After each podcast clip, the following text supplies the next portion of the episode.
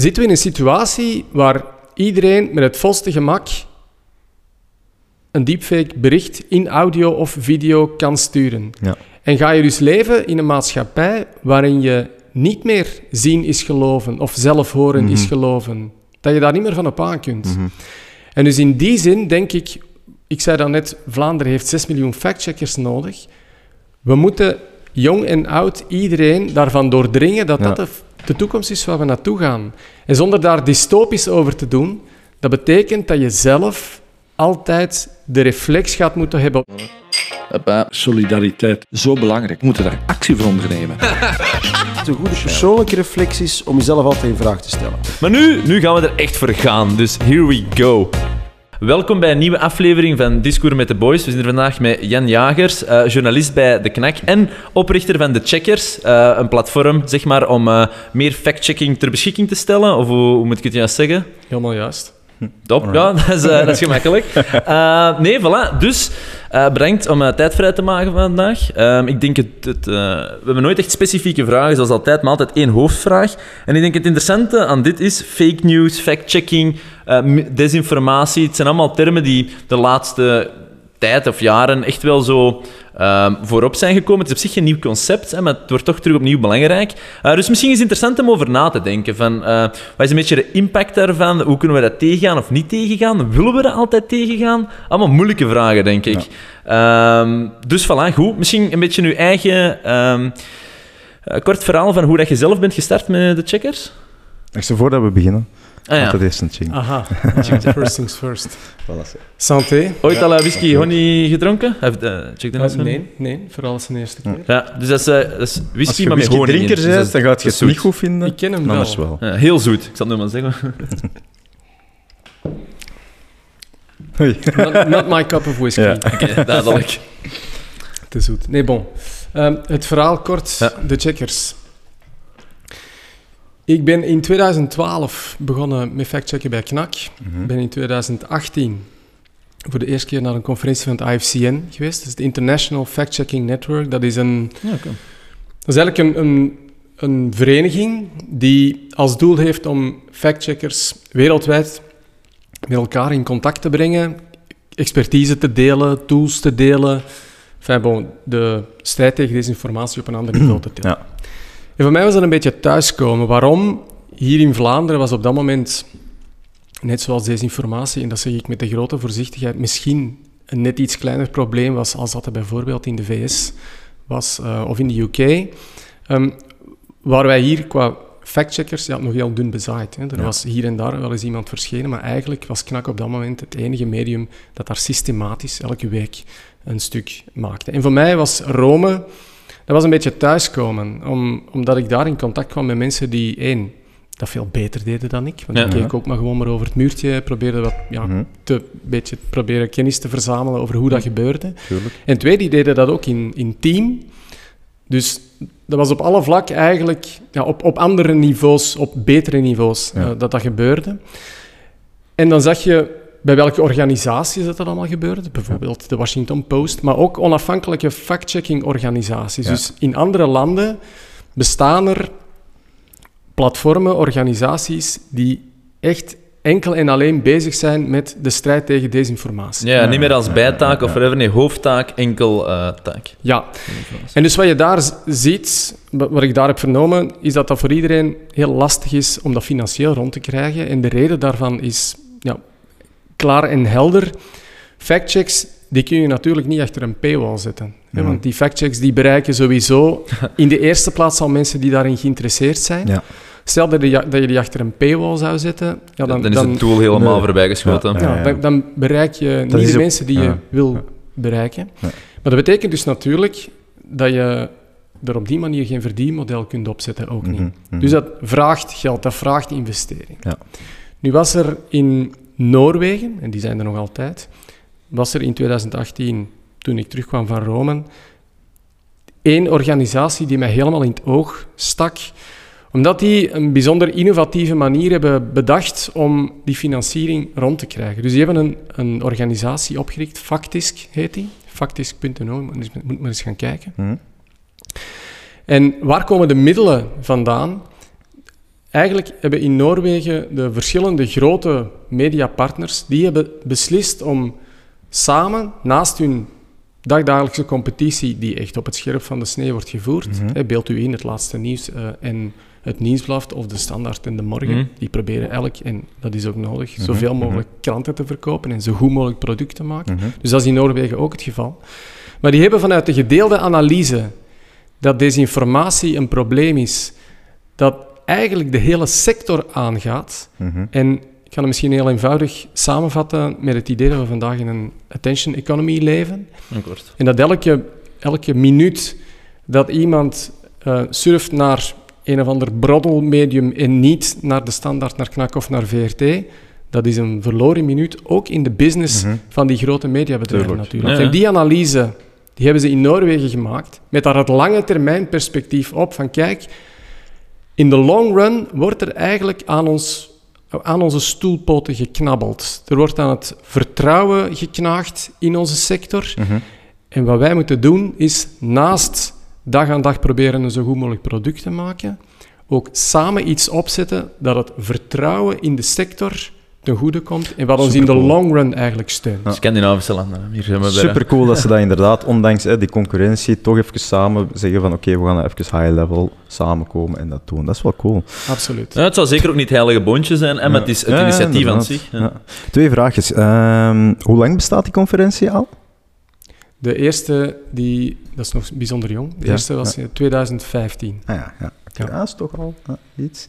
En dan tweede vraagje, je zei ik ga daar naartoe om dan eh, te checken van oké, wat doe ik en wat doen anderen en wat kan ik daarvan leren? Wat waren daar zo de voornaamste learnings? Want ik kan inbeelden dat dat wel super interessant kan zijn. Mensen dat dit horen en er een beetje mee bezig zijn, die learnings nu ook eh, hier kunnen horen. Dat is een heel moeilijke vraag, eh, Arno. Ik heb mij daar echt gewoon de ogen opengetrokken. Mhm. Het is intussen ook vier jaar geleden, dus er Ja, is intussen ook ja. eh, een stukje afgelegd. Nu is dat meer natura geworden. Ja. Ja, het, en het, het landschap is ook veranderd. Ja. De, de desinformatie, fake news zelf is ook veranderd. Mhm. Ehm, misschien moet ik gewoon even proberen de draad terug op te pikken en mijn verhaal af te maken op uw vraag van oké, Oké. wat is what's the story behind the checkers? Dus ik kwam in 2018 thuis met het idee, bon, wat er in Noorwegen kan, dat moet eigenlijk bij ons ook kunnen. Of, Mhm. of we moeten dat toch op zijn minst proberen. Dan heb ik met steun ehm, van KNAK en van VRT ehm, hebben wij een plan geschreven, uitgedacht. Zijn we naar Noorwegen gegaan, hebben we dat onderzocht, hoe dat, dat precies allemaal in elkaar zit. Hebben we daar een, een document van 200 pagina's op geschreven. Hebben we de gelegenheid gekregen om bij de minister op het kabinet, was op dat moment volle coronatijd, dus dat was een van die vermalendijde Teams-meetings, om daar op het kabinet die pitch te mogen doen. Met- Ja, sorry, sorry. Alle sorry. man. Dat is de tweede keer, dat kan niet. Dat kan niet, dat kan niet zoiets. Een excuses, ja. Sorry. Ik ben al blij dat dat mijne is. en dus de, de minister die had op zijn kabinet de CEO's of directeurs van de verschillende grote mediabedrijven in ons land hier samengebracht. Mhm. Wij hebben de gelegenheid gekregen om dat te pitchen, met als eindvraag, wat denken jullie daarvan? Is dat iets wat je brood in ziet? Is dat iets wat, u, wat, wat resoneert bij jullie of Mhm. niet? En dan hebben we ja, één jaar later en heel veel meetings eh, met heel veel interessante en fijne mensen later eigenlijk moeten inzien ja, dat, eh, dat, dat het momentum er nog niet is. Dus Ja. de, de hoogdringendheid die men in Noorwegen zag en voelde, die is er bij ons kennelijk nog niet. Ja. En dan was een beetje de vraag, ja, kom, wat doen we nu? Eh, ofwel, Ja, we blijven Scheur- zitten. scheuren we het hele plan eh, in twintig stukken en Ja. ja, doen we niks. Mhm. Ofwel veranderen we het geweer van schouder en doen we wel iets. Ja. En we hebben uiteraard voor die tweede optie gekozen. Fast forward naar vandaag. Wat is het verschil van, met de checkers nu ten aanzien van het initiële plan?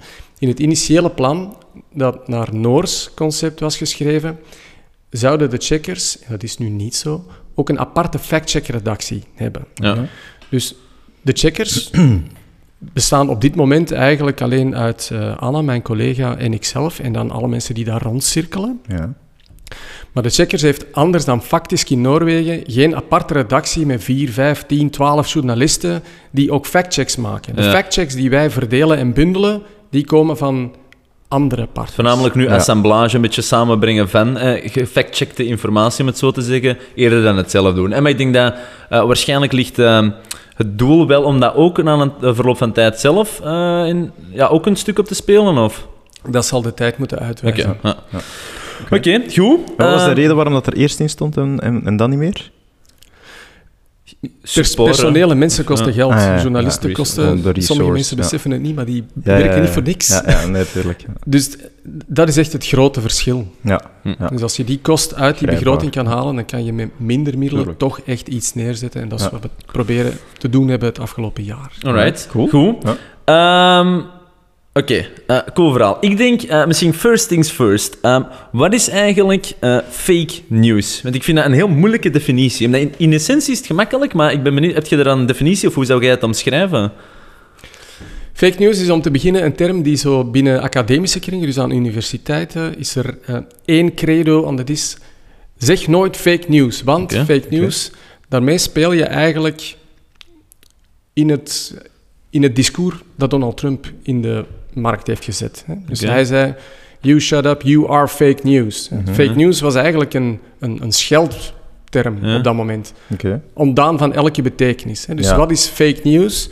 Ik ben niet zo van die academische school geneigd om dat te volgen. Waarom niet? Omdat het natuurlijk wel iets is... Dat mensen, als je fake news zegt, dan weten mensen waarover het gaat in, in, in termen van if it walks and talks like a duck, it is a duck. Hè. Dus Ja, je hoeft daar geen ja. definities voor te hebben. Ah, mensen kennen die term. Ja. En daarom alleen al, denk ik, is het nodig om ook hier nu bijvoorbeeld die term te durven in de mond spreken. Maar het is belangrijk om daar toch een woord aan te wijden. Wat dat er Ja. in, aan universiteiten ehm, wordt meer het onderscheid gemaakt tussen desinformatie en misinformatie. Oké. Oké. En desinformatie, dat is ja, alle mogelijke fouten, valse berichtgeving, valse feiten die de wereld in worden gestuurd met een vilijne bedoeling. Mhm. Met echt een bedoeling om invloed te krijgen, om geld te verdienen, om politieke invloed te verwerven. Ja. Dus iets wat echt doelbewust... Gerichte miscommunicatie. Ja. Misinformatie, daarvan is eigenlijk sprake wanneer jij niets vermoedend die desinformatie deelt. Ja. Dus stel, jij krijgt een berichtje binnen waarbij er wordt gezegd ga snel naar de winkel, want morgen zijn alle winkels dicht. Ja. En dat blijkt niet waar te zijn. Maar jij deelt dat met de beste intenties met jouw vrienden, met jouw moeder, Ja. met jouw vader, met whoever, om te voorkomen dat die zonder supplies zouden vallen. Dan heb jij misinformatie verspreid en dan is het initiële bericht desinformatie. Ja, ja, ja. Oké, oké. Ja. Ehm, ça va, dat is wel eigenlijk een belangrijk verschil. Ja. En ik vind dat zegt ook wel direct iets. Want eh, desinformatie is dan heel duidelijk van oké, dat is met een doel, et cetera, et cetera. Misinfor- misinformatie is dan eigenlijk onvrijwillig bijdragen aan desinformatie, om het dan zo te zeggen. Ehm, waardoor dat ook zo direct tweede rangs voelt. En van, ah ja, dat is een tikkeltje minder erg, want het was, oeps, per ongeluk. Ehm, ook wel, ja, vind ik Het ook resultaat moeilijk. is natuurlijk hetzelfde. Voilà, Ja, ja, ja, nee, is zelfs ja. nog erger, want desinformatie heeft eigenlijk niet zoveel, eh, kan eigenlijk niet zoveel bereiken als er ook geen misinformatie eh, Beetje is. hetzelfde als een virus. Je bent niet de maker van het virus, maar de drager van het virus Ja. dat het doorgeeft. En dat, Ja, en dus- dat is natuurlijk net een van de intenties. Daarop is die desinformatie ook gemaakt om optimaal deelbaar mis- te ja, zijn. Ja, ja, makes sense. Misschien En dan is belangrijk iedereen om... zijn verantwoordelijkheid om die fact-checking voor zijn eigen alvast te doen. Hè. Ja. Ja, wat, wat de doelstelling in één woord samengevat van de checkers, de, lang, de lange termijn ambitie Mhm. is ervoor te zorgen dat Vlaanderen 6 miljoen factcheckers heeft. Ja. Vlaanderen Ja. heeft 6 miljoen factcheckers Nice. nodig. Nice. Ja, ja, ja, I ja. agree. Ja. Dat is mooi. En over die desinformatie of fake news, misschien nog wel belangrijk om mee te geven ook dat die er ja, in verschillende vormen van heel onschuldig naar heel erg eh, kan zijn. Misschien met een paar voorbeelden. Heel veel desinformatie begint gewoon als een satirisch grapje. Mhm. Dus op een website staat een leuke meme, grapje, wordt gedeeld. Op een gegeven moment pikt iemand dat op met de vraag, oh, tja, eh, is dat echt zo? En begint dat een eigen leven te leiden. ja. En gaan mensen dat initiële grapje echt geloven? Dat is iets wat onschuldig is, wat dan ja, toch een negatieve effecten kan hebben. Mhm. En helemaal aan de andere kant van het spectrum heb je natuurlijk van die totaal verzonnen berichten die echt bedoeld zijn om Mm. tweedracht te zaaien. Hè. En jullie thema, of wat jullie iets Mm. mee willen doen en meedoen, is polarisering. Hè. Mensen dichter bij elkaar brengen. Wel, er is recent nu, deze week, gisteren of eergisteren, factcheck verschenen van KNAK over een bericht dat op sociale media viraal gaat. Dat is een beeld van een affiche in het straatbeeld Mhm. in Zwitserland. Met het bericht daarop van, kijk, als, eh, als uw buur zijn huis meer dan 19 graden verwarmt, Ehm, hier is Ja. de kliklijn, laat het ons weten. Ja. En die nummer, dat is het telefoonnummer van het ministerie. Hm? Ja. Dus ja, volle verontwaardiging wordt daarop gereageerd. Oh, Nazi, nazi-staat, eh, de- echt, zijn we, daar, zijn we daar weer aanbeland? Wat blijkt, als je dat gaat uitzoeken, ehm, dat bericht is nooit verspreid door de Zwitserse overheid zelf, heeft daar niks mee te maken. En het is heel moeilijk om de origine echt hard te maken, maar alles wijst erop.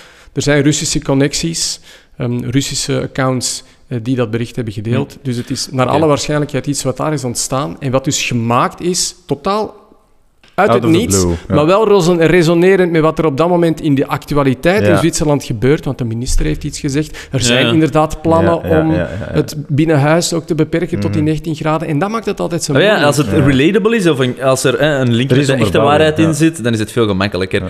Nu, net ik u hoor spreken, besef ik ook ineens, is er ook misschien nog een derde groep na, eh, naast de des- en misinformatie. En dat is denk ik, omdat desinformatie is eigenlijk, laten we even een, een groep mensen of iemand of whatever, hè, die probeert een, een doel te bereiken met desinformatie. Misinformatie, dan noem ik dan even mensen die iets binnenkrijgen of lezen en denken, ah, dat klopt. Maar dan heb je ook volgens mij zo'n pijler ertussen. En dan eh, zit je eigenlijk zo in de journalistiek, om het dan zo te zeggen, die eigenlijk ertussen zit. Hè? Want waarschijnlijk, eh, ja, denk ik, intentie zal in general natuurlijk wel goed zitten van nieuwswaarde te willen brengen. Maar langs de andere kant kan daar eigenlijk ook desinformatie in eh, sluipen, zonder dat dat specifiek met gericht doel is, maar ook niet misinformatie is, want die mensen zijn wel geacht om iets dieper onderzoek te doen, niet zomaar te resharen. Dat zit er eigenlijk ook zo een beetje tussen dan. Ja, ik vind dat bijzonder aanmatigend, hè, Amaury, wat jij hier zegt. Hoezo? Nee, nee, nee. Ik, eh, ik, ik lach ermee. Ik, ik, als je zegt, ja, misinformatie, desinformatie en journalistiek zit daar ergens tussen, dan stijger ik uiteraard. Eh, nee, nee, nee. Maar nee ik- journalistiek begrijp wat je wil zeggen, tussen. denk Hè? ik. Ik bedoel, er zit een vorm van eh, journalistiek, eh, kan daartussen zitten. Omdat dat een filter is van informatie. En daar kan misschien soms ook foute informatie En het, staan. en het is ook zo, en als ik je punt zo mag begrijpen, sommige journalistiek, ehm, en soms zelfs echt eh, tegen wil en dank of met de beste intenties, draagt daar ook toe bij natuurlijk. Mhm, mhm. Journalisten zijn Oh ja, ook, zijn mensen, wij maken ook fouten, wij zetten soms foute koppen erop, of Ja. misschien een clickbait-kop die dan een eigen leven gaat leiden. Ehm, journalistieke fouten die dan door anderen worden als, een, als een voorbeeld van, de, van het grote geheel genomen. Van Ja. kijk eens, het klopt niet. Ja, dat Mhm. klopt. Mhm. Uh, dat, daar was een fout. Uh, Ja. Maar dan moeten ze het toegeven. En dat gebeurt misschien wat te weinig ook. Dat zou de... Dus Want dat zou, dat zou volledig Mooi zijn. Volledig Als je een fout maakt en dat wordt toegegeven. Maar ah, Super hard respect ik moet voor die eh, zeggen, de. VRT heeft zoiets, eh, als ik me niet vergis. Ja, knak misschien ook. Eh, ja, maar- die ombudsdienst bedoel Ja, ja, dan, en Dat is het leuke daaraan is, en die nuanceren ook voornamelijk hun eigen nieuws dan. Hè. heel goed, Hè, want ja. fact-checking kunnen op twee niveaus zien. Hè. Dat is van, gaan, wat leeft er? En dat gaan we factchecken. Of wat hebben we dan zelf uitgeschreven? Ja, als checkers werkt dat niet zozeer, Mhm. maar wel als krant. En dan hebben we zelf eigenlijk alles wel goed gedaan. En dat is ook echt wel belangrijk, denk ik. Eh, en wel benieuwd eigenlijk om te weten wat daar zo ook wel leeft vandaag de dag. Omdat... ehm, Zeg het hoe dat je wilt. Media, als je het zo mocht zeggen, is nog steeds een enorm belangrijke verspreider van informatie. Tuurlijk. En dat is essentieel dat die ehm, zo representatief mogelijk is op de realiteit, om het zo te zeggen. Ja, zo Ik ga Ja. eh, nog even een slokje van de Tennessee Honey. en dan even inpikken op wat jij zei, Arno. Juist, ja. ja. Hm. Over het corrigeren. Aha. Want ik ben het daar volstrekt mee eens. Het is belangrijk om je fouten toe te geven. Ja. En net dat bijvoorbeeld is iets wat ook integraal in het DNA van factchecking zit. Ah, dus ik denk dat wij als journalisten en als factchecker een bijzonder ambitieuze taak eh, stellen, maar die tegelijkertijd Absoluut. proberen heel bescheiden in te vullen. Mhm. Je, wij maken fouten. Je kunt ook maar weten wat je op een gegeven moment kunt weten. Je moet met een stuk ook landen. Dus je kunt bij wijze van spreken weken en weken en weken blijven onderzoeken of iets klopt of niet. Op een gegeven moment moet je landen. Ja. Hm, wij hebben de expliciete ambitie, dat maakt deel uit van, van het beleid, staat ook echt mee op de website, om fouten die wij maken, om die recht te zetten. Mhm. En nu is er bijvoorbeeld onlangs eh, zo'n stuk geweest waarbij er, ja, we, hadden, we hadden iets niet gezien, we zijn erop geattendeerd, we zijn dan nader gaan onderzoeken. Ja, blijkt dat wij onze conclusie moeten aanpassen. Ja. Goed, dan geven wij onder dat stuk mee van kijk, dit is wat we hebben gedaan nadien, dit hebben we veranderd, dit is de reden waarom we dat hebben veranderd en geven we dat opnieuw met diezelfde nieuwsbrief mee waar de initiële factcheck Ja. ook heeft ingestaan, zodat mensen die initieel dan misschien dat eerste bericht hadden gezien, ook het tweede te zien krijgen. En ik kan u vertellen, dat is niet zo eenvoudig. Hè? Het zal niet. Want jij, Nee. jij zegt, ja, het zou moeten, ik ben het er volledig mee Ja. eens, Maar stel dat je zo'n fout maakt om dan publiek te gaan zeggen, ja, ik is was niet fijn. fout. Dat is niet tof. Dat is niet fijn. maar het is nodig. tuurlijk, ja. Het is nodig. Maar des te Niet meer zijn, respect hè? dat, Oh, ja. dat je ook krijgt. Die hè. functie van die credibiliteit wel. je het in het Ja. begin hebt. Dat gaat eh, echt in de denken stoppen. van, oké, ze doen echt hun best, en zie je ook. En als ze fout maken, oké, ja, iedereen maakt fouten. Dat gaat ook zien, wordt ook toegegeven. Dus ja, iedereen, hè, iedereen maakt dan... Ai, zou toch de reflex moeten maken dan van... Dat is ook maar een mens, hè. Ja. Maar inderdaad, je neemt wel een enorme verantwoordelijkheid op, hè. Want je gaat letterlijk zeggen, oké, wij hebben dit gecheckt en dit is juist. Ik zou toch elke keer een stress kunnen hebben. Stel dat ik toch iets had gemist. Stel dit of stel dat. Natuurlijk. Ja, wat, is, wat is juist bijvoorbeeld? Hè? Ik, als wij, ook al als we niet, zeggen Ja. dat iets klopt, Ja. wil dat niet zeggen dat dat eh, in steen gebeiteld is voor de Mhm. komende 35 jaar. Tuurlijk ook al. We hebben een, een, ehm, een schaaltje, zo, zeg maar, een, een legende, waarbij we bij KNAK en bij VRT ook de, ehm, iets ofwel onwaar, eerder onwaar, eerder waar of waar noemen. ja. En dan die categorieën omschreven. En dan bijvoorbeeld waar, eh, dat, dat betekent dat iets, dat de context volledig is, dat er voor zover onze research dat heeft kunnen uitwijzen, Mhm. dat dat klopt, Ja. Wat daar wordt geclaimd. Ehm, eerder waar betekent, ja, er, er mist toch een beetje context. Er zit een Mhm. grond van waarheid in, Mhm. ehm, maar er mist ergens wat context, of het is toch net iets genuanceerder, en die Ja. nuance is echt belangrijk, dat moet Ja. je meegeven. Ja. Dus op die manier, en dat is natuurlijk iets waar sommige mensen, en ik begrijp dat ook, overvallen. Mhm. Want dat, dat klinkt arrogant. Hè? Je, je noemt iets waar of onwaar. Daar, daar spreekt Dat voor sommige mensen zo'n zekere... Ja, Het roept wel de vraag op wie Mhm. checkt de factchecker. ja. hè, Ja, maar ja, ja, ja. ik heb maar- daar het heel eenvoudige antwoord op. Jij checkt de factchecker. En dat is een ander punt in het, de manier waarop factchecking werkt. Het verschil tussen gewone berichtgeving en factchecking, die echt zo'n journa- dat is een journalistiek genre. Net zoals Ja, je akkoord. een nieuwsbericht en een interview hebt, Q&A, heb je factchecking. Ja. Een factcheck, een van de principes daarin, is transparantie. Dus dat betekent dat wij alle bronnen, die, alle belangrijkste bronnen die wij hebben gebruikt om tot die conclusie te komen, dat wij die niet alleen oplijsten en zeggen wat onze redenering is, maar ook de links geven, zodanig dat jij, als jij wilt checken of dat bericht klopt of niet, Mhm. die research helemaal kunt overdoen Ja. En ons eventueel op een, op een fout kunt wijzen Ja. of ons kunt Extra complimenteren van kijk, dingen, goh, ja. dat hebben jullie fantastisch gedaan, dat mag ook altijd. Ah, ja, Eh, ja. Zeker. Zeker is- bij Gebeurt deze alvast. soms. Bij deze gebeurt alvast. soms trouwens. Ja? gebeurt soms. Heel leuk, heel leuk. Dus eh, iedereen die zich geroepen voelt, zeker doen. Eh, van eh, een- iets, een positief signaal te geven in plaats van eh, altijd een negatief. Gewoon complimentjes sturen. Nee, ja, oké, ja, ja, akkoord. Thanks voor akkoord. dit te doen. of zo. Ja, ja. En die schaal waar dat je over sprak, wordt die ook gecommuniceerd per bericht of topic dat je behandelt? Of, Nee, of die niet? staat, dus we hebben, we één pagina waarin het, het volledige beleid, Ja. hoe, hoe kiezen wij die claims bijvoorbeeld? Ja, ook al. Ehm, en wat, hoe, hoe, hoe verloopt onze research? Mhm. Hoe zit die publicatie? Hoe zit het na publicatie? Dat is allemaal uitgetekend op één pagina. Ja. En daar kun je dan, ja, daar Hm. verwijzen we naar, maar dat moeten mensen natuurlijk zelf lezen. Het heeft geen Ja. zin om dat onder ieder stuk Mhm. Te. En ehm, wat valt een beetje onder de scope van fact-checking? Puur als we even zo nadenken. Ik vind dat wel echt heel interessant. Want je hebt natuurlijk, ehm, moet ik het zeggen, gradaties of ehm, ja, verschillende vormen van eh, desinformatie. En je kunt natuurlijk zeggen, ja, een bepaald wiskundig eh, iets, 1 plus 1 is, eh, je kunt er heel veel getallen op plakken. Dat kun je dan vrij snel zeggen, waar, onwaar. Maar dan heb je ook natuurlijk zo zaken die echt inderdaad te weinig context hebben, et cetera. Maar je hebt waarschijnlijk ook zo de, moet ik het zeggen, de...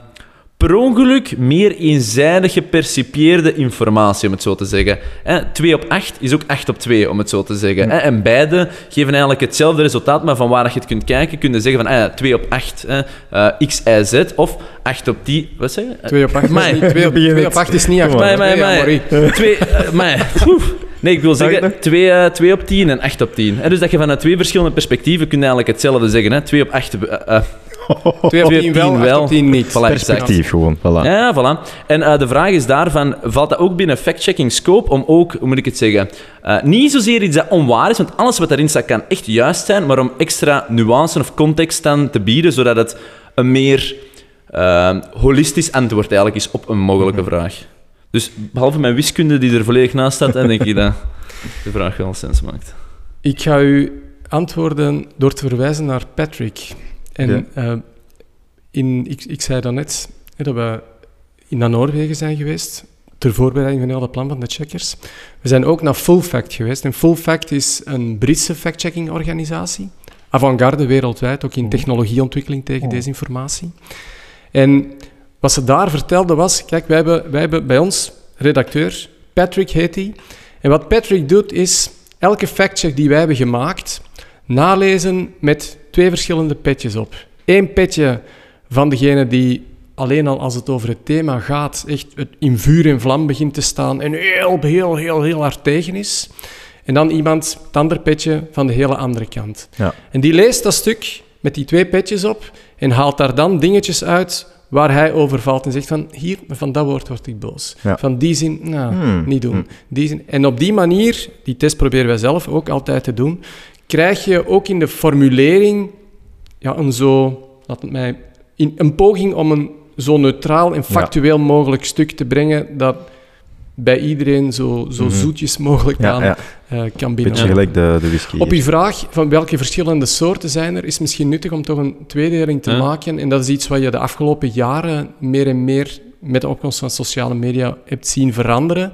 Vroeger, in de jaren 90, 2000, ging factchecking eigenlijk uitsluitend over claims, over Mhm. beweringen. Hè. Ehm, er zijn, ehm, de, de gemiddelde energiefactuur bedraagt x euro. Hm. Zo'n claim. Klopt dat? Klopt dat niet? Dat is belangrijk. Waarom is dat belangrijk om dat te weten? Omdat we, om beleid te kunnen maken, moeten discussiëren met feiten en, Ja, niet, en niet met dingen die er een beetje Mhm. tegenaan schurken of volledig uit, eh, uit het niets Mhm. gegrepen zijn. Dat is één, die claims. Dat blijven we doen. Maar wat er sindsdien, de jongste jaren, echt is bijgekomen, zijn ja, beelden vooral. Ja. Beelden die uit hun context worden getrokken Ja. en in een totaal nieuwe context worden verspreid. Ehm, filmpjes, Ja, nee, ehm, ja. deepfake-video's. We gaan toe en, en Ja. in die zin is het ook Dat belangrijk dat gaat nog- in de toekomst. om komende jaren? te kijken. Ik weet niet, er bestaan... Ik, ik heb hem op mijn telefoon. Er staan apps bijvoorbeeld, waar je, waar je nu zelf al heel eenvoudige deepfake Direct, dingen mee hè? kunt maken. ja. Dus je gaat eigenlijk naartoe naar een toekomst en die gaat, ik denk binnen, binnen drie, vijf jaar gaan we daar zijn. zeg ik nu heel... ehm enfin, factcheck mij hier niet op, want eh, het, is, het is een voorspelling, dus dat kun je niet factchecken. Hmm. Zitten we in een situatie waar iedereen met het volste gemak een deepfake bericht in audio of video kan sturen. Ja. En ga je dus leven in een maatschappij waarin je niet meer zien is geloven of zelf horen is Mhm. geloven. Dat je daar niet meer van op aan kunt. Mhm. En dus in die zin denk ik, ik zei dan net, Vlaanderen heeft 6 miljoen factcheckers nodig. We moeten jong en oud, iedereen daarvan doordringen dat Ja. dat de, de toekomst is waar we naartoe gaan.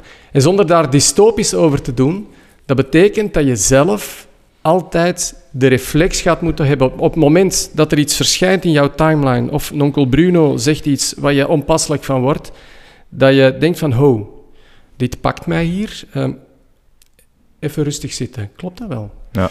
Ehm, en misschien zelf eens even gewoon simpelweg googlen en, en, en dan kom je er vaak misschien Ja. meteen al op uit Ja. dat het eh, complete onzin is.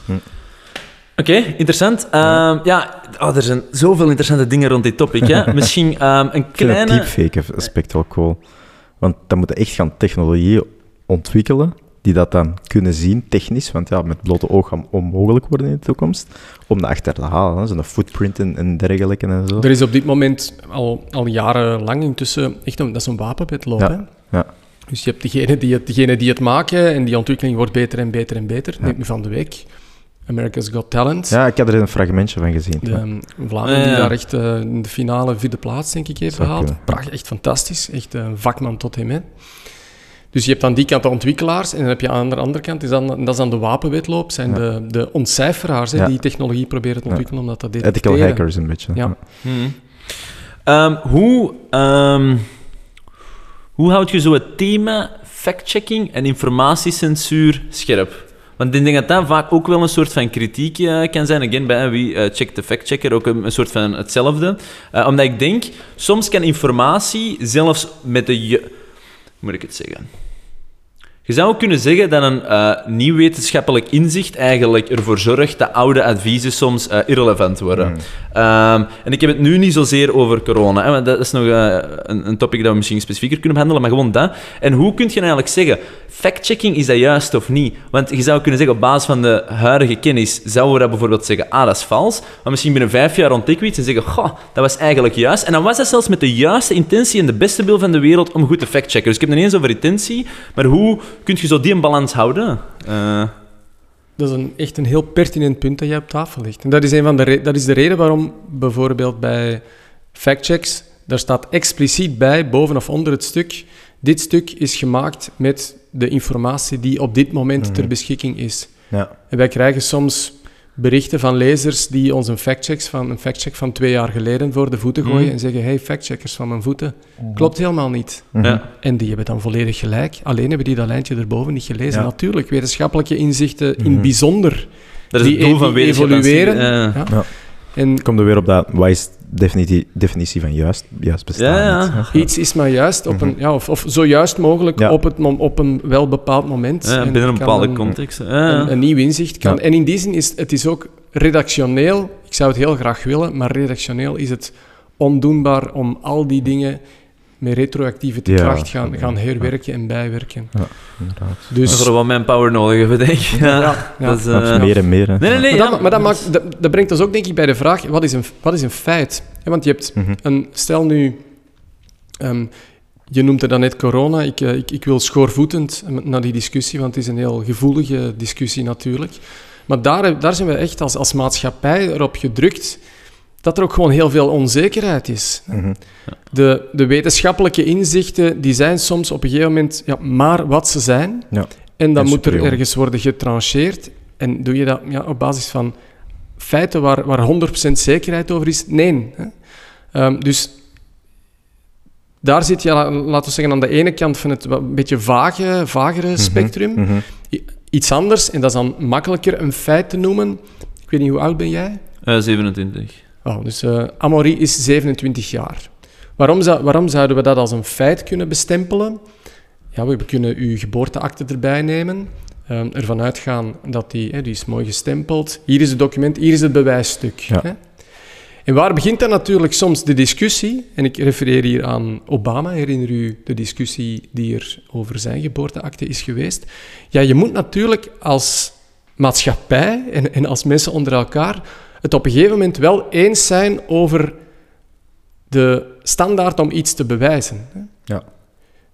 Je kunt dat niet geloven dat jij 27 bent als je die geboorteakte zelf ook nog in twijfel gaat beginnen trekken. Ja, dan, is het, dan is het einde zoek natuurlijk. Ja, ja. En, en dus in die zin, denk ik, moeten wij ervan uitgaan dat er in, die, in de verschillende vakdomeinen waar we ja, feiten over proberen te verzamelen of te checken, dat we ons verhouden en, en steunen op de standaarden die Hm. binnen die discipline worden gezien Ja. als... Oké, bij ons, geloofwaardig in onze discipline, is iets als het daar en daar en daar en daar aan beantwoord. Ja. Ja. Akkoord. Definitie feit mag niet lichtzinnig gebruikt En worden. dus, dus ik denk, daar volgen we eh, sowieso, want op zich dat is zo een, denk ik, de meeste mensen gaan dat kunnen volgen, die definitie. Ik denk ook logisch wat je hier zegt. Maar ik- de reden waarom ik die vraag ook stel, is omdat eh, vandaag is dat misschien een tikkeltje minder, maar in de toekomst misschien wat meer. Ehm, op zich ook niet slecht. Ehm fact-checking, goed, iets is gefactcheckt. En laten we nu zeggen, als het kei onwaar is, eh, maakt niet uit. Maar als het zo in die grijzere zone zit, gaan we op een bepaald moment wel moeten kiezen met ah, informatie is gefactcheckt. Hoe gaan we nu omgaan met die informatie als die blijft gedeeld worden? Eh, ook corona is een heel goed voorbeeld. Hè? Eh, op Twitter bijvoorbeeld, en dan kreeg altijd de melding als iets over corona ging van ah, eh, eh, moeten factchecken. Hè? Kan mogelijk X, Y of Z. Maar dus op een bepaald moment ga je natuurlijk ook wel willen, het zou maar erg zijn als je dat niet wilt, dat je factcheckt informatie makkelijker het publiek bereikt, zouden we stellen. Als dat niet het doel is, hè, dan, dan heeft dat ook geen zin. Ik ben nu even vanuit social media aan het denken, niet per de checkers of zo. Maar dan doe je automatisch ook aan informatiecensuur. En dan zitten we natuurlijk met het probleem dat informatie evolueert. Dus misschien op een bepaald moment houden we ook, eh, hoe moet ik het zeggen, eh, zaken die iets grijzer zijn, om het zo te zeggen, ook een beetje tegen, eh, in functie dan van hoe dat we nu naar een feit kijken. En dat vind ik wel een complexe gedachte. Gewoon van, ja, wat betekent dat? Want factchecking, ik volg u, maar er is ook een gevolg aan factchecking, waarin dat je natuurlijk meer en meer wilt dat correcte informatie naar boven komt. Ehm, maar ja, Het is soms grijs. Er, er wordt toch niet verboden om onzin te delen? Dus ik zie uw argument van censuur. eh, hoe, hoe bedoelt je? Er is toch niemand die u verbiedt om onzin te delen? Om onzin te delen? Als jij onzin wil Ja. schrijven op Facebook, Oké, maar gaat je zeggen dat er niet anders gaat worden omgegaan met informatie tussen nu en 50 jaar? Fact-checking moet toch een onderdeel worden, denk ik, van hoe dat informatie ook meer en meer Ja. verspreid wordt. ik, dat is eigenlijk een van de dingen waar ik, waar ik het meest fier en enthousiast over ben als het over de checkers gaat, is wat, wij doen. ehm, en dat is wereldwijd, zo vertellen collega's mij. Dus ik, ehm, ik, ik, mocht het niet zo zijn, laat het mij alstublieft weten. Ehm, dat is wereldwijd uniek. Wat de checkers doen, is die factchecks ook op social media bij de, bij de desinformatie gaan brengen. Dus mijn collega Anna, op het moment dat er een factcheck verschijnt bij een van onze partners, Factcheck Vlaanderen, VRT Nieuws of KNAK, die gaat op dit moment op Facebook en op Twitter dan meteen kijken wie de desinformatie waar die factcheck een antwoord op biedt, heeft gedeeld op sociale media. Stel jij, Arno, hebt, een bericht, je hebt dat bericht gedeeld over die Zwitserse affiche. En dan gaat hij jou ehm, aanspreken en zeggen: Hey Arno, eh, ik, ik heb hier in deze factcheck gelezen dat dat kennelijk niet klopt, eh, Mhm. wat je daar hebt gedeeld. Misschien wil je dat stuk ook wel lezen. Groetjes, eh Anna van de checkers. Bij iedereen individueel doen. Want Ja. ik kan me inbeelden, dat zijn toch wel wat... Arbeidsintensief. Dat is op dit moment gaat... dat is op dit moment echt een, een ja, dat zit in, in, zou je kunnen zeggen, in de eerste fase. Ja. Dus daar, we moeten dat natuurlijk op een gegeven Ja. moment kunnen opschalen. Natuurlijk. Maar wat is En daar zou interessant, het interessant zijn als de social media partners daar mogelijkheid toe maken. Zo'n reply all that's shared of Ja. zoiets. Dus wij zijn ook proberen, het is niet zo makkelijk, maar echt in gesprek te Ja. gaan, in gesprek te blijven eh, met die verschillende platformen ook, om Ja. te zien of zij ons daar op een of andere manier in kunnen ondersteunen. Ja. Maar wat interessant is, is dat je natuurlijk... Er zijn heel veel mensen en die voelen zich echt ja, in, in, echt in hun wiek geschoten, want het is niet leuk, er komt iemand vreemd Nee. Echt op uw Ja, wall Ja. eh, iets zeggen van kijk, eh, hmm, misschien, misschien is dat toch niet waar. arrogant, hè? hè, Ja. Eh, dus Anna die krijgt geregeld de wind van voren. Zal. Maar wat opvalt, en dat ik, dat had ik eigenlijk vooraf niet durven dromen, is dat heel veel mensen ook echt enthousiast en dankbaar reageren. Omdat zij, en dan kom ik terug op het begin van ons gesprek, misinformatie deelden. Ja. Zij hebben met de beste intentie iets geshared wat niet waar bleek te zijn en zijn nu dankbaar dat iemand zegt van hé hey, zeg. Ja. eigenlijk heb je iets gedeeld wat je misschien niet wilde delen achteraf Ja, ja. En dus op die manier zouden we, en dat is mijn grote droom, ik, om naar die 6 miljoen factcheckers te gaan in Vlaanderen, is dat we, en dat willen we de komende maanden, de komende, het komende jaar echt willen beginnen uitbouwen, en kunnen jullie ongetwijfeld en jullie publiek ook bij helpen, is om een, een community uit te bouwen van een legertje Anna's. Dus dat we niet alleen Anna hebben die die factchecks gaat delen, maar dat er ook andere mensen zijn die die factchecks op hun eigen kanalen delen, die eh, tante Terry, eh nonkel Bruno, nonkel Jos aanspreken. Zeg, nonkel Jos, waar steunt dat eigenlijk op, dat bericht? Ja. Ehm, en die, en dat is belangrijk, die als er fouten of, of dingen zijn die worden gedeeld en die de wenkbrauwen doen fronsen, die die ook aan ons tippen. Want de checkers is ook een, een single point of contact met een tiplijn, waar je berichtjes kunt naartoe sturen, een tweet waarvan je afvraagt van, check, maar ik ben dit tegengekomen, dit gaat viraal.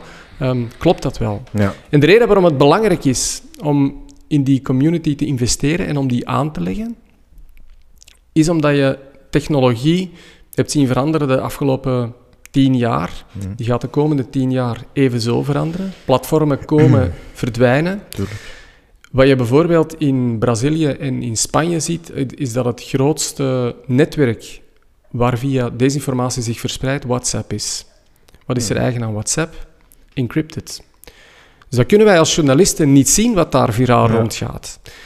In Spanje hebben ze geïnvesteerd in een netwerk van mensen, in een netwerk van mensen die die factchecks meedelen en die die tips mee verzamelen.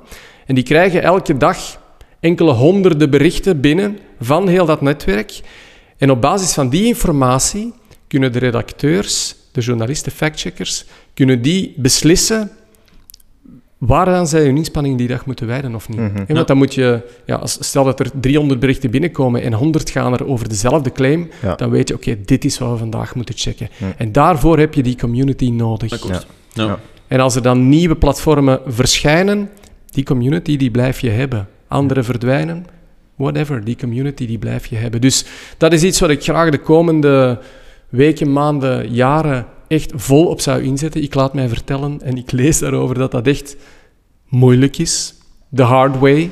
Maar het is volgens mij wel the right way. Ja. We moeten echt Ja. een weg zoeken Maar als je om een samen iets fundament te doen. eh, wilt bouwen, dat is altijd vaak wat Sowieso, trager. ja. Dat, eh, dat is zo. En dat is dan echt, eh, maar dat is het voordeel. Dan is het echt een fundament. Mhm. Eh, nee, ik volg wat je zegt. Het is zeker een, een, een interessante invalshoek. Maar om even terug te keren, ik ben nog niet tevreden met het antwoord op informatie, censuur versus fact-checking. Gewoon omdat ik echt denk dat dat een belangrijke wordt. Want als we denken, hoe gaat jij informatie verspreiden eh, van je facts, bijvoorbeeld vi- via social media. Dus daar werkt eigenlijk ook automatisch een bepaald algoritme hè, dat wel aan bepaalde informatie voorkeur of niet geeft. Ehm, dus het is wel zo, op een bepaald moment moet je natuurlijk wel informatie gaan rangschikken van wat is het meest relevant is vandaag, denk ik, dat die informatie gerangschikt wordt. En relevantie is dan een, eh, een relatief subjectief begrip. Maar op een bepaald moment wil je ook wel dat de factor hoe nauwkeurig is het, hoe juist is het, mee inkomt in eh, eigenlijk de eh, rangschikking van informatie. Dat is logisch. Net zoals Google dat ook doet. Hè. Die zet de meest relevante of juiste informatie bovenaan. Dus dan ook terug naar fact-checking. Ik denk dat fact-checking over de komende jaren echt nog belangrijker gaat worden, maar ook nog populairder langs de andere kant. En dan gaat de vraag ook weer zijn, wanneer zijn we...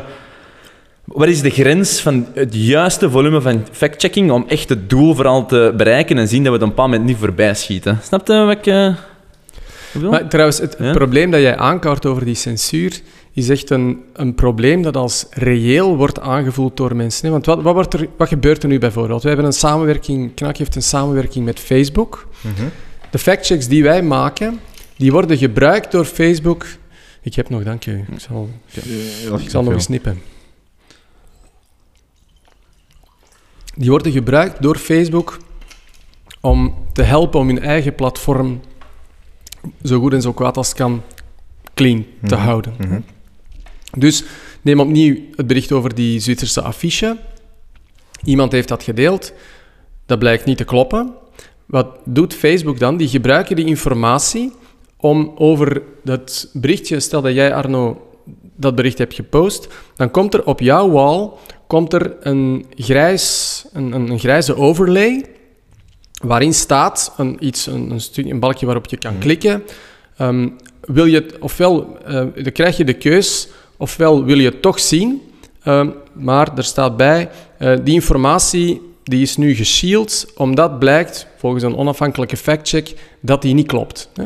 Dus dan staat er een link bij naar de factcheck, of je kan ook die informatie zelf klikken. En in Ja. die zin, ja, Voilà, dat is een dat goed is- praktisch voorbeeld. Beetje ontstaan, denk ik, tijdens corona. Hè? Want dan had je ook zo'n belkje of een melding dat erbij kwam van... was voordien al zo. niet- ah ja, Ehm, ja. Was voordien al zo.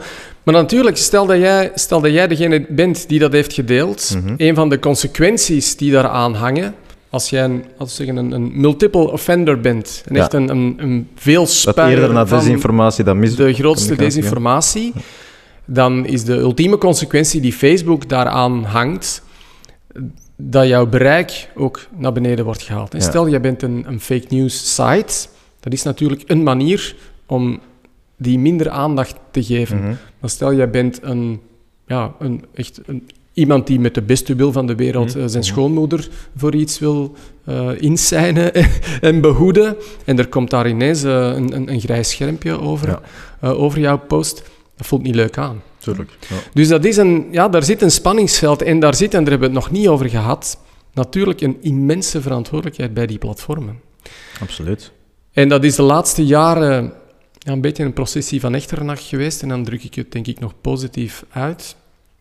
Er is onlangs dit jaar wel ja, een, wat mij betreft, hoopvol nieuws eh, geweest. Er is een nieuwe Code of Practice afgesproken, waarbij de verschillende platformen, ehm, Twitter zit daarbij, Meta zit daarbij, TikTok zit daarbij, eh, Vimeo zit daar Ja, ook dus bij. al de large En, ones. en factcheckers ehm, en het beleid zelf een tekst hebben afgesproken ehm, met een aantal ja, doelstellingen, waaronder bijvoorbeeld het transparanter maken van het algoritme, Mhm. het beter ondersteunen van factcheckers en factchecking, een plek geven om die platformen beetje ja, een back-end mee... tool eigenlijk. Wat zeg je? Een beetje een back-end tool. Gelijk van, kijk, we hebben deze onderzocht. Wij kunnen dat nu uploaden in jullie platform. Met een paar kernwoorden dat worden gehighlight, zodat zij dat misschien kunnen cross-referencen met posts dat gebeuren of zoiets. Ja, de, de manier waarop dat, dat op die verschillende platformen zich verder gaat ontrollen, ja. Daar heb ik nu echt Nee. eh, nog niet een goed zicht op. Maar wat is het, het goede aan die nieuwe code is, er was al zo'n code in 2018. Mhm.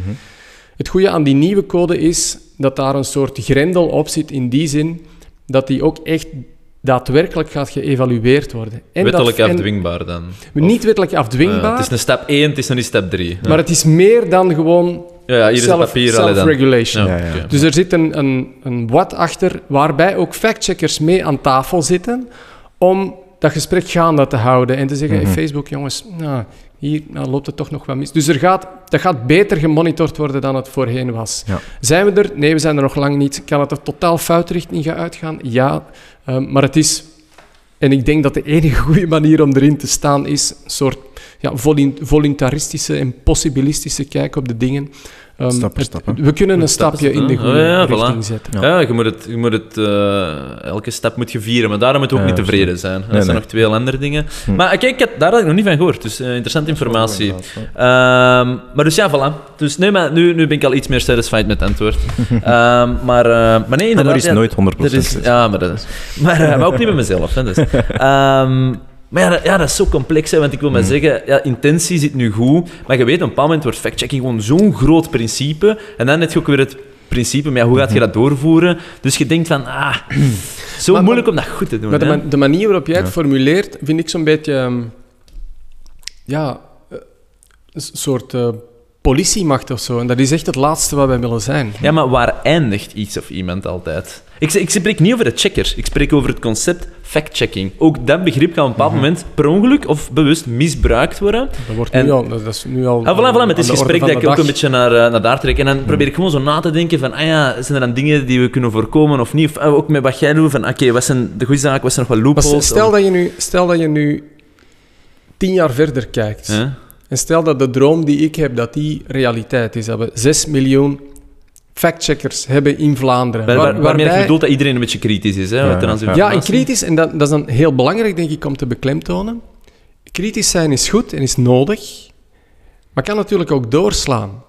Als, als kritisch zijn doorslaat in wantrouwen tegen alles en iedereen, en bijvoorbeeld, ik grijp terug naar die geboorteakte van jou, 27 jaar, bewijs vinden van die geboorteakte, die echt in het gemeentehuis gaan halen, de persoon die die stempel toen heeft gezet, erbij gehaald, en dan nog niet geloven dat jij 27 jaar bent, dan is uw kritisch zijn doorgeschoten. Dus het komt erop aan om Ja, maar dat is meer kritisch zijn ten aanzien van jezelf ook. Dat is wel- Ja, de ene mens is de andere niet. Hè. Het, is, Nee, het komt nee, nee, erop aan om het, om het, om alles het- kan de, om het- doorschieten, de hè? goede balans te vinden tussen eh, kritisch zijn ten aanzien van alle- alles wat je rondom je ziet, u af te vragen, ja, is het wel zo? Ja. En op, oprecht nieuwsgierig te gaan zoeken naar een antwoord, zonder ja, te gaan zoeken naar het antwoord dat je eigenlijk graag zou willen vinden. Hè? En Mhm. niks menselijk is ons vreemd. Confirmation bias is iets wat in de, in de wetenschappelijke literatuur uit, uitgebreid beschreven staat. Mhm. Dus dat zijn dingen Zeker. waar je echt ja, op moet werken, ook in het onderwijs. Je hebt er straks al aangehaald. Ja, ja. Ja, interessant. Cool. Eh, En, want eh, de Checkers is een platform eh, dat, dat samenwerkt met allemaal andere partners. Hè. Ehm, heb je dan iets van een code of conduct dat je op voorhand afspreekt met die partners? Want ik kan begrijpen dat dat ook niet gemakkelijk is, welke, ja, aan welke eisen dat zij moeten voldoen. Hè, of dat dat, want als jullie alles ook nog eens moeten gaan checken dat zij checken, ja, met twee gaat dat natuurlijk ook niet lukken. Dus hoe maak je daar, of voor nieuwe pa- partijen dat er eventueel bij komen, hoe trekt je, of hoe maak je daar zo je, eh, je beslissing van, oké, dat gaan een partner zijn dat we kunnen vertrouwen? Dat is een heel belangrijk en terecht punt dat je aanstipt. De manier waarop wij dat hebben aangepakt is, ik heb daar straks het IFCN genoemd, het International Fact Checking Network. Die hebben de internationale standaarden bepaald van, ja, je kunt, er is iets, dat is een club waar je lid van kunt worden, maar dan moet je aan een behoorlijk aantal eisen Mhm. voldoen. En, dat, en dan krijg je een, eh, ja, een, een formeel keurmerk, zeg maar, een kwaliteitsmerk. Dus in het beste geval zijn die partijen met wie wij samenwerken echt hebben die die test doorstaan. Mhm. Dat is een jaarlijkse audit eh waar je Mhm. door moet, dus dat is niet van de poes. Ehm, en wij hebben de grens gelegd op ofwel IFCN certified zijn, ofwel de ambitie hebben om het te doen en in de feiten zo goed als werken Mhm. Volgens de regels van het IFCN, alleen misschien nog niet de test gepasseerd zijn. Ja, maar in ja, zekere ja. mate een, een vertrouwensband. Hè. En ik Dus het denk... is eigenlijk al eh, iets dat jaren ontwikkeld is geweest, een tool dat effectief kijk goed is voor dat, dat je eigenlijk gewoon kunt Ja, gebruiken. En Ja. ik, ik, Ja. ik grijp opnieuw ook terug naar die, naar die standaarden. Hè? Ja. Dus de, de, de standaarden om te bepalen of een vaccin al dan niet goed genoeg is om de wereld in te gestuurd te Mhm. worden. Of de standaarden om te zeggen, Amaury is geboren op, ik weet niet welke dag, 27 jaar geleden. Wel, zulke standaarden hebben factcheckers ook. We hebben onderling uitgemaakt van, kijk, volgens ons is dit de beste manier om het te doen.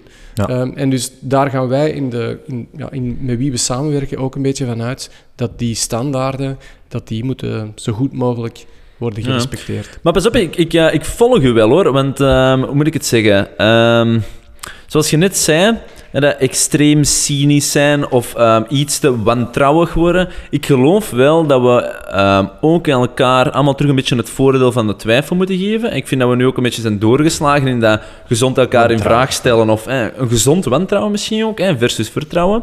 Maar, eh, maar ik voel het ook wel, ja, het is belangrijk dat we dan, eh, hoe moet ik het zeggen, eh, terug een grotere body hebben van common ground. En dan is dat vertrouwen gemakkelijker. En ik denk dat we daar gewoon ook momenteel als society ook iets te versnipperd zijn. Eh, maar ik volg wel, dat is eh, een gevaar. Hè, tot waar eh, is het belangrijk om op vertrouwen te werken? En vanaf waar beginnen dan concrete, duidelijke lijnen? Hè? Dus dat is zo, zo complex. En dan is aan de ene kant fact-checking. Ja, gaat ervan uit dat mensen hun job doen. Hè? Ik bedoel, dat iedereen een beetje eerlijk is en, en probeert na te denken. Langs de andere kant, ja... Je moet het soms ook wat inperken, zoals met alles. Hè? Ja, maar die, die aanname bijvoorbeeld die jij nu Ja? Benoemt, ga ervan uit dat iedereen eerlijk is. Ja, ik, ik zou het heel tof vinden, maar dat is... Ja, maar Nee, nee, ik ook niet. Hè. Ik ben daar ook niet mee akkoord. Hè. Ja. Oh, ja, ja, ja, maar dat is een soortgelijke Ja. body. Hè. Omdat Maar Arno vertrouwen vroeg, hoe, vandaag- gaat, hoe werk je met partners samen? En er is eigenlijk...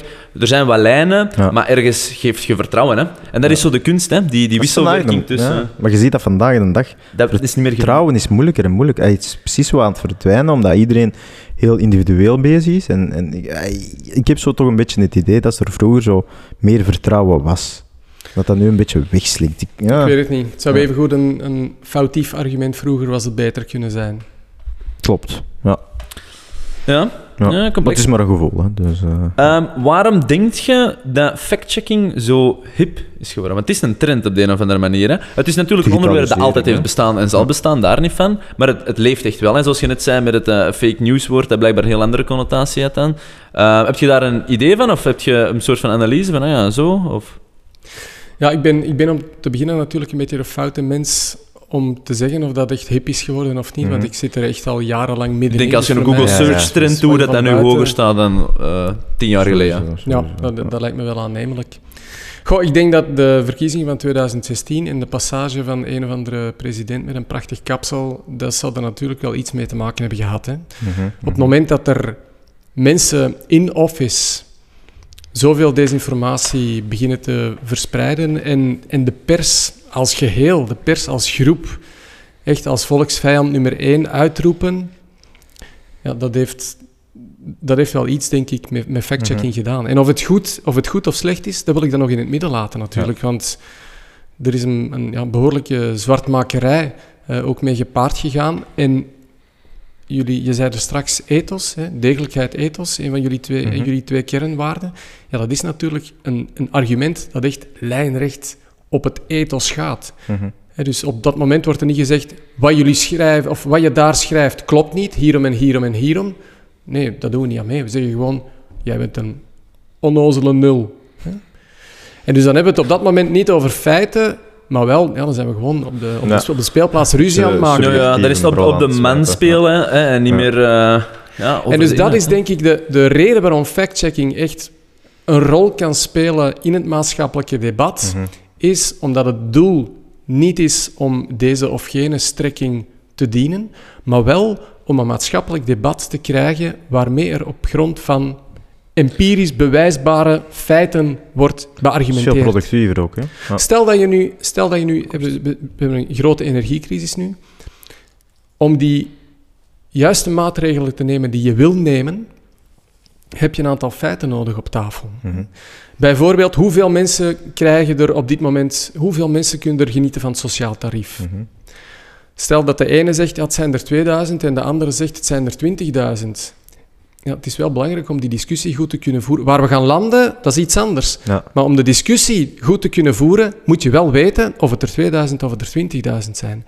En dat is de kleine bijdrage die wij proberen te doen, is ja, daaraan bij te dragen. Aan, Ja. er, ermee voor te Ja. zorgen dat we met de juiste feiten Ja. proberen te Ja. discussiëren. En geen tijd verspillen inderdaad om, om over foute feiten bezig te zijn. Want als jij zegt, dat is de feit, en ik zeg, nee, dit is de feit, ja, dan gaat het daar eigenlijk al een uur over discussiëren. Terwijl dat als de fact-checking is gebeurd, valt dat uur al weg en kunnen we dat benutten voor iets nuttiger. Ja, en tegelijkertijd zou het mij al blij maken, omdat je dan wel bent aan het discussiëren Mhm. over wat, wat Ja. een feit is en wat niet. Ja. Je kunt even goed, en dat gebeurt soms ook, die discussie al terzijde laten en gewoon met die twee dingen beginnen Mhm. discussiëren alsof ze een feit zijn. Ja. Het wordt hier wel meta. Oh, dat is wel, ik vind dat wel echt heel moeilijk. Ik Het is denk, een complex. eh, ik denk, je hebt eh, sowieso gelijk. En ik denk, als we dat als stijl of als mentale reminder in elk gesprek mogen meenemen, ik ga vanuit een, een soort van vorm van feiten spreken, dan is dat heel goed.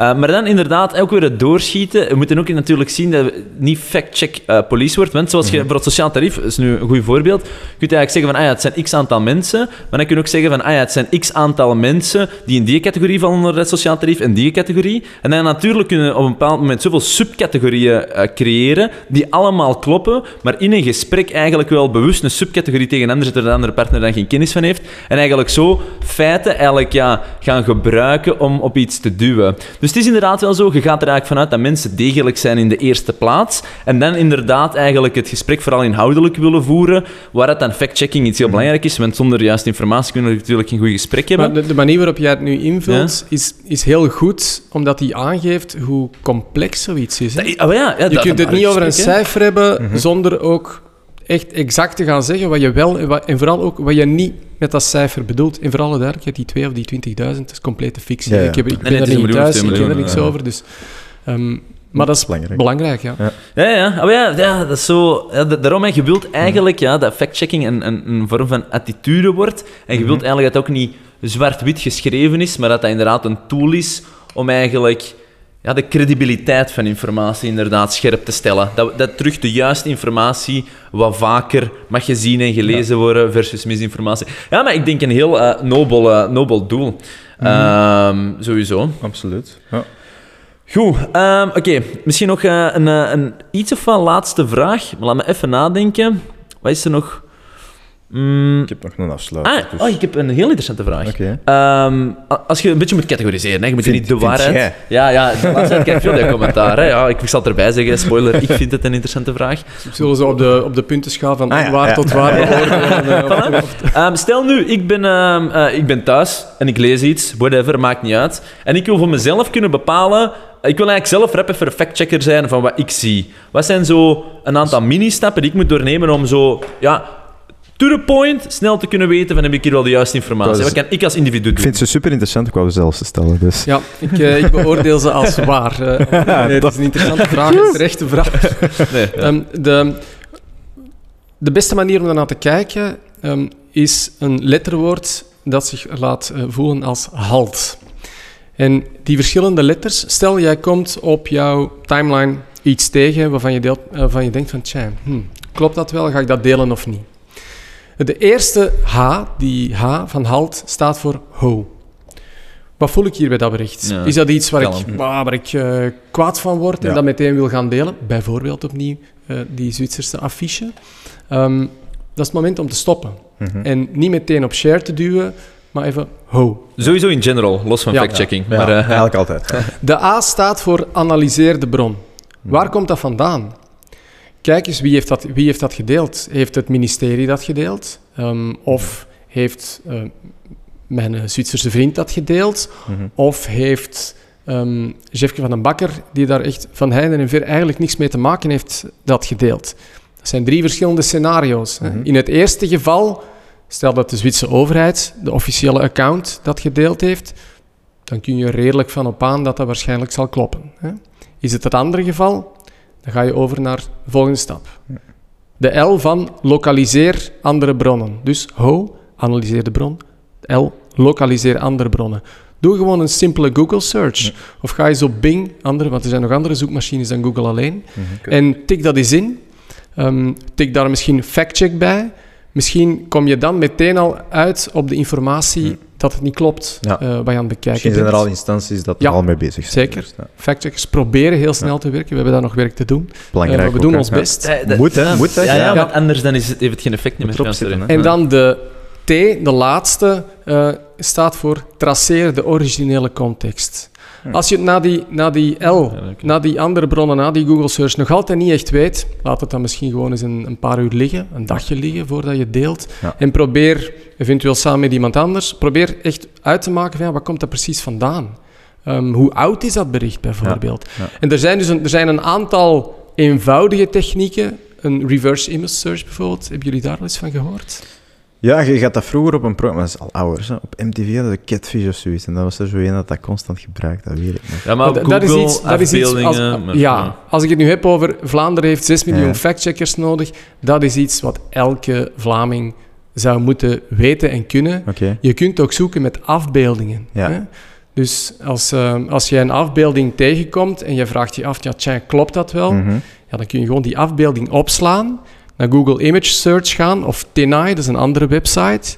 En die, in plaats van een zoekterm geef je dan die afbeelding in, ofwel de URL, ofwel upload je die afbeelding. Gewoon in de zoekbalk. Ja.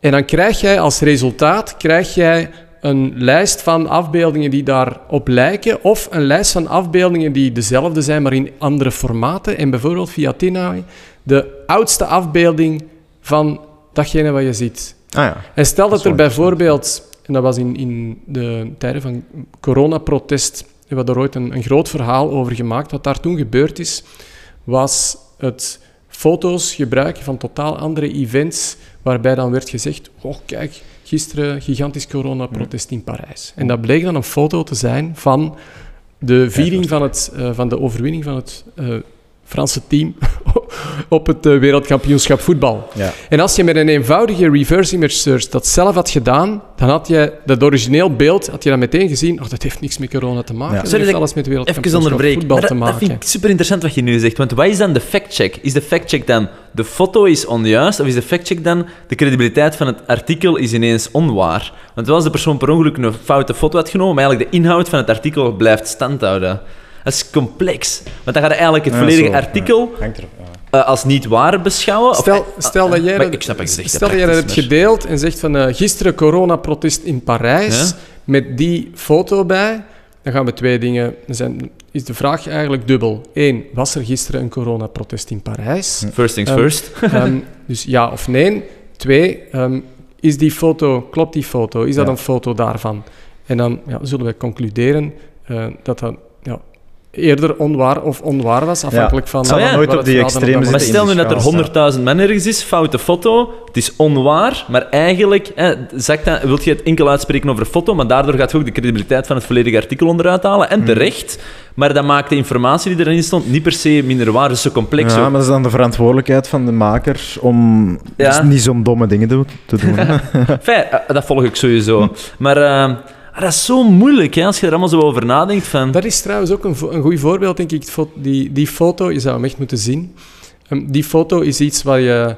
ehm, in, in, iemand heeft dat op een gegeven moment echt bedacht en ja. online gezet. En vervolgens hebben mensen die ja, zich ook echt in hun vrijheid aangetast voelden, net zoals wij allemaal, ehm, hebben dat niets vermoedend gedeeld en verder en verder en verder verspreid. Ja, ja, ja, ja, maar, ja, maar zie, dan is de vraag ook, wat was het doel van die verspreiding? Was dat een gevoel? Was dat de credibiliteit van het artikel? Dus ja, ik vind fact-checking zo interessant, want dat wordt een soort van kwaliteitsstempel ehm, voor informatie, maar soms ja, kan contextuele informatie ook een bepaalde waarde hebben en zo interessant. Eh, net zoals een krantenkop, hè. Eh, een krantenkop kan waar zijn, maar nog steeds een soort van... ehm, eh, framing creëren, omdat meer, veel mensen vaak de inhoud van het artikel minder goed lezen. En is het dan juist of fout? Het kan juist zijn, maar eigenlijk contextueel onaanvaardbaar, wat je ook al een paar keer hebt gezegd, hè, van alles in zijn context Dat is bijvoorbeeld de reden waarom we in de koppen van factchecks proberen om meteen zo helder mogelijk en zo feitelijk Ja. mogelijk te zeggen, ook wat de conclusie Vind is. ik wel, vind ik wel echt, Ja. eh, dat is echt een Plus dan- belangrijke evolutie. Plus die transparantie dat erin zit, hè, met de les van bronnen, hoe is de research gebeurd. En als je dan zelf zoiets hebt, dan passen ze het tussennoods aan. Hè. Dus aan zich zie ik niet het grootste probleem daar. Eh, nee, daar zit niet het grootste probleem. Maar het zijn allemaal kleine complexiteiten. Zo zijn er nog een miljoen. En die allemaal samen gaan dan wel een belangrijk onderdeel vormen van een soort van gevoeligheid waar we rekening mee te houden. En dat fact-checking de juiste plaats krijgt binnen wat betekent dat, welk belang heeft dat, hoe moeten we dat in onze samenleving induwen. Want ik denk dat het belangrijk is, er is desinformatie. Ehm, moeten ook zien dat we, ja, ja, ja, Ja. moeilijk, moeilijk, maar interessant. Ik ben, eh, hebben, hebben jullie trouwens, komen jullie vaak desinformatie tegen? Of, of op Ja, welke manier komen jullie constant. daar in contact? Zeg eens, vertel Ja, eens. nee, maar niet desinformatie. Maar het probleem is, je hersenen, eh, confirmation bias gesproken, ik heb een kijk op de wereld, hè. ik heb een bril op. Hè. Dus dat wil ook zeggen dat als ik informatie lees, die mag objectief 100% juist zijn, gaan mijn hersenen nog steeds aan een interpretatie aan linken. En mijn eigen interpretatie op basis van objectieve informatie zelf is al een moeilijke. Hè. Dat is confirmation bias aan zich. Dus laat staan dan met die informatie. Dus ja, constant. Maar dat is niet wat je bedoelt. Ik denk dat dat wel meevalt, want ik zit niet zo vaak op social media. wij zitten niet vaak echt op de, op de social media. Dus dan- ik denk dat dat ook de grootste verspreider is eh, van het fake news. En als we nieuws opzoeken, dan, dan checken wij wel onze bronnen, denk ik. Ja. Of dan, dan gebruiken we ook gewoon... Ik probeer voornamelijk altijd na te dus. denken over... Ik Zit denk er bij een ons valt logische het mee, maar ik kan er zeker in komen dat het bij de meerderheid niet meevalt. Ja. Ja. Dus een van de problemen wat, wat je de laatste jaren ook hebt gezien, is dat er, omdat het zo eenvoudig is om echt een mooie, fantastische website te maken, ja, Mhm. kun je- verschijnen er meer en meer, met name in de States, maar ook bij ons, zijn er websites die eruit zien alsof het bij wijze van spreken de website is van een gerespecteerd nieuwsmerk. Ja. Maar dat, die merken verkopen zich dan als, ja, bij ons kun je lezen wat je niet in de media, Ja, wat je ja, niet in de, in de reguliere media vindt. Ehm, en ja, die, dat zijn botten met een, met een agenda echt achter. Mhm. En als je, als je op een gegeven moment over dat kantelpunt heen bent en de boodschap heel vaak hebt gehoord dat journalisten echt een bende kwieten zijn, die worden betaald door het regime en ik weet niet welke andere vuilspuiterij er, er nog allemaal wordt eh, gezegd, en je bent over dat punt heen, ja, dan, dan, ehm, dan, is het moeilijk om, dan is het moeilijk om je terug te halen. En Mm. in die zin, en dat wil ik ook beklemtonen, Ja, ja, zeg maar. richt, richten de checkers en, en factcheckers zich in de eerste plaats op echt die grote, grote, grote middengroep. En die middengroep waarin ook een hoop mensen bij zitten die soms twijfelen, Mhm. die het niet weten. Ja. en dus factchecking is geen, Tuurlijk. ehm, wordt soms foutief bestempeld als ja, een, een, een, een middel om mensen te overtuigen van het een of het ander. Nee, dat is het niet. Wij proberen gewoon houvast te bieden aan mensen die twijfelen of iets klopt of niet. En die kunnen dan op basis van het stuk dat wij hebben gemaakt misschien zelf een, een inschatting Ja. maken. Maar factchecking is geen overtuigingsmiddel om mensen die over die grens heen zijn terug te halen of zo. Mhm. Als, als mensen willen terugkomen, uiteraard heel graag, welkom. Uh, maar dat zou denk ik... Ja, dat is een zeer, zeer verstrekkende ambitie. Maar misschien ook niet de prioriteit. Nee, het belangrijkste is denk ik om iedereen die nog wel gelooft dat de wereld niet naar de haaien is, om die toch Ja. een stukje in de gemeenschappelijke realiteit te laten Ja. blijven leven. Ja. en ik ga dan iets verder, heeft niks met een fact-checking te maken. Mhm. Maar je zou eigenlijk ook willen dat mensen niet zo vastgeroest zitten in een bepaalde kijk naar de wereld. Ja. Of dat journalisten nu dan de beste ooit zijn of de slechtste ooit. Je wilt niet dat mensen vastgeroest zitten in één manier van de kijk. Mhm. En dat ze nog steeds informatie, ook los van de persoon die het heeft gezegd, ook kunnen Ja. Beschouwen als informatie. Want daar zitten we soms ook mee een probleem dat we afhankelijk van wie dat iets zegt, informatie direct ook al gaan indelen. Eh, soms terecht, soms onterecht. Oneindig, oneindig Ja. interessant onderwerp. Omdat Absoluut. uiteindelijk gaat het over wat is informatie, hoe gaan we ermee om, welke impact mag het hebben. En dat zijn allemaal geen gemakkelijke vragen. Hè? Want informatie is zo bepalend voor de mensheid. Eh, hey, dat is, Die, die kan, om het, eh, om het heel cru, om het cru te stellen, het verschil tussen leven of dood betekenen. Hè? ja, ja, dat is... Als jij eh, bleekwater drinkt op een moment dat iemand zegt dat je bleekwater moet drinken om niet ziek te worden, dan ben je dood. Hè? en dat is zelfs nog een heel klein voorbeeld. Dus ja, nee, nee, nee, heel klein praktisch ja. voorbeeld. Ja, Inderdaad. Ehm alright, goed. Ja, Jan, superboeiend. bedankt eh, voor uw tijd, bedankt voor het Ja. gesprek. Ja, inderdaad. Het is Eh, weer al een bredere kijk erop hebt. Hè. Dus, eh, ja. Voilà. En mensen. Echt, eh, mijn dank aan jullie Ja. en proficiat met de oprichting van jullie VZW. Dank je wel, Dat dank is je ook wel. nog Ja. kwijt. En afsluitend ben ik nog curieus, hoe het met jullie ambitie zit om bij de koning te geraken. Is die er Ah, nog ja. altijd? Aha, aha, aha, leuk dat je de referentie maakt. Wel, eh, de ambitie is er natuurlijk nog altijd. Nee. Ehm, maar Het is, het is we hebben een, een, een- een- toch nog een zwaardere nee gekregen ondertussen. Ja, ja. We zijn dicht geraakt. Eh, we hebben meetings gehad en zo met de woordvoerders en, en het kabinet, hoe je het daar noemt. En dan was er een mogelijk zijspoor om misschien Iemand anders van de koninklijke te nemen. Maar daar is eh, ja, vrij recent, denk ik vorige week of twee weken geleden ook, een, een vrij negatiever antwoord opgekomen. Dus eh, Maar dan vind je dat je vroeg of laat Dan gaan we nu naar- met, met iemand uit de koninklijke Ah, voilà, of we gaan- de we gaan- we gaan- bijvoorbeeld. Dat ook een fantastisch ja, ja absoluut, absoluut. Of ineens Charles of zo, dus die heeft niet te druk nu. Ah, zo. ik, denk, ik denk dat het, eh, het, dat was ooit gestart zo'n beetje als ludiek. We moeten zien dat we een ambitieus doel ja, hebben ja, om ja, onszelf ja. een bepaalde scherp te zetten. Maar nu is dat een zijspoor, wat niet wil zeggen dat inderdaad we dat ooit niet nog eens willen tikken. Maar het is niet meer zo'n... eh, focus. vandaag zijn er andere prioriteiten wel. Maar we moeten het eigenlijk wel nog tikken, vind ik. Ja, ja, we hebben het ja, echt al gezegd. zeker wel, Dus we moeten een Maar er zijn er nog, hè? Prins Voor of dergelijke. 2023. hè? Ja, dat is goed. Ja, Voilà, tak. En dan is het gewoon niet gelukt. ja voilà. Alright. Stop Ik er noteer dat mee. Ja, bedankt voor eh, de accountability. Jullie bedankt en Ja, keiveel succes. man. Alright, yes. Super. gelijk. Checkers. Ja. Later.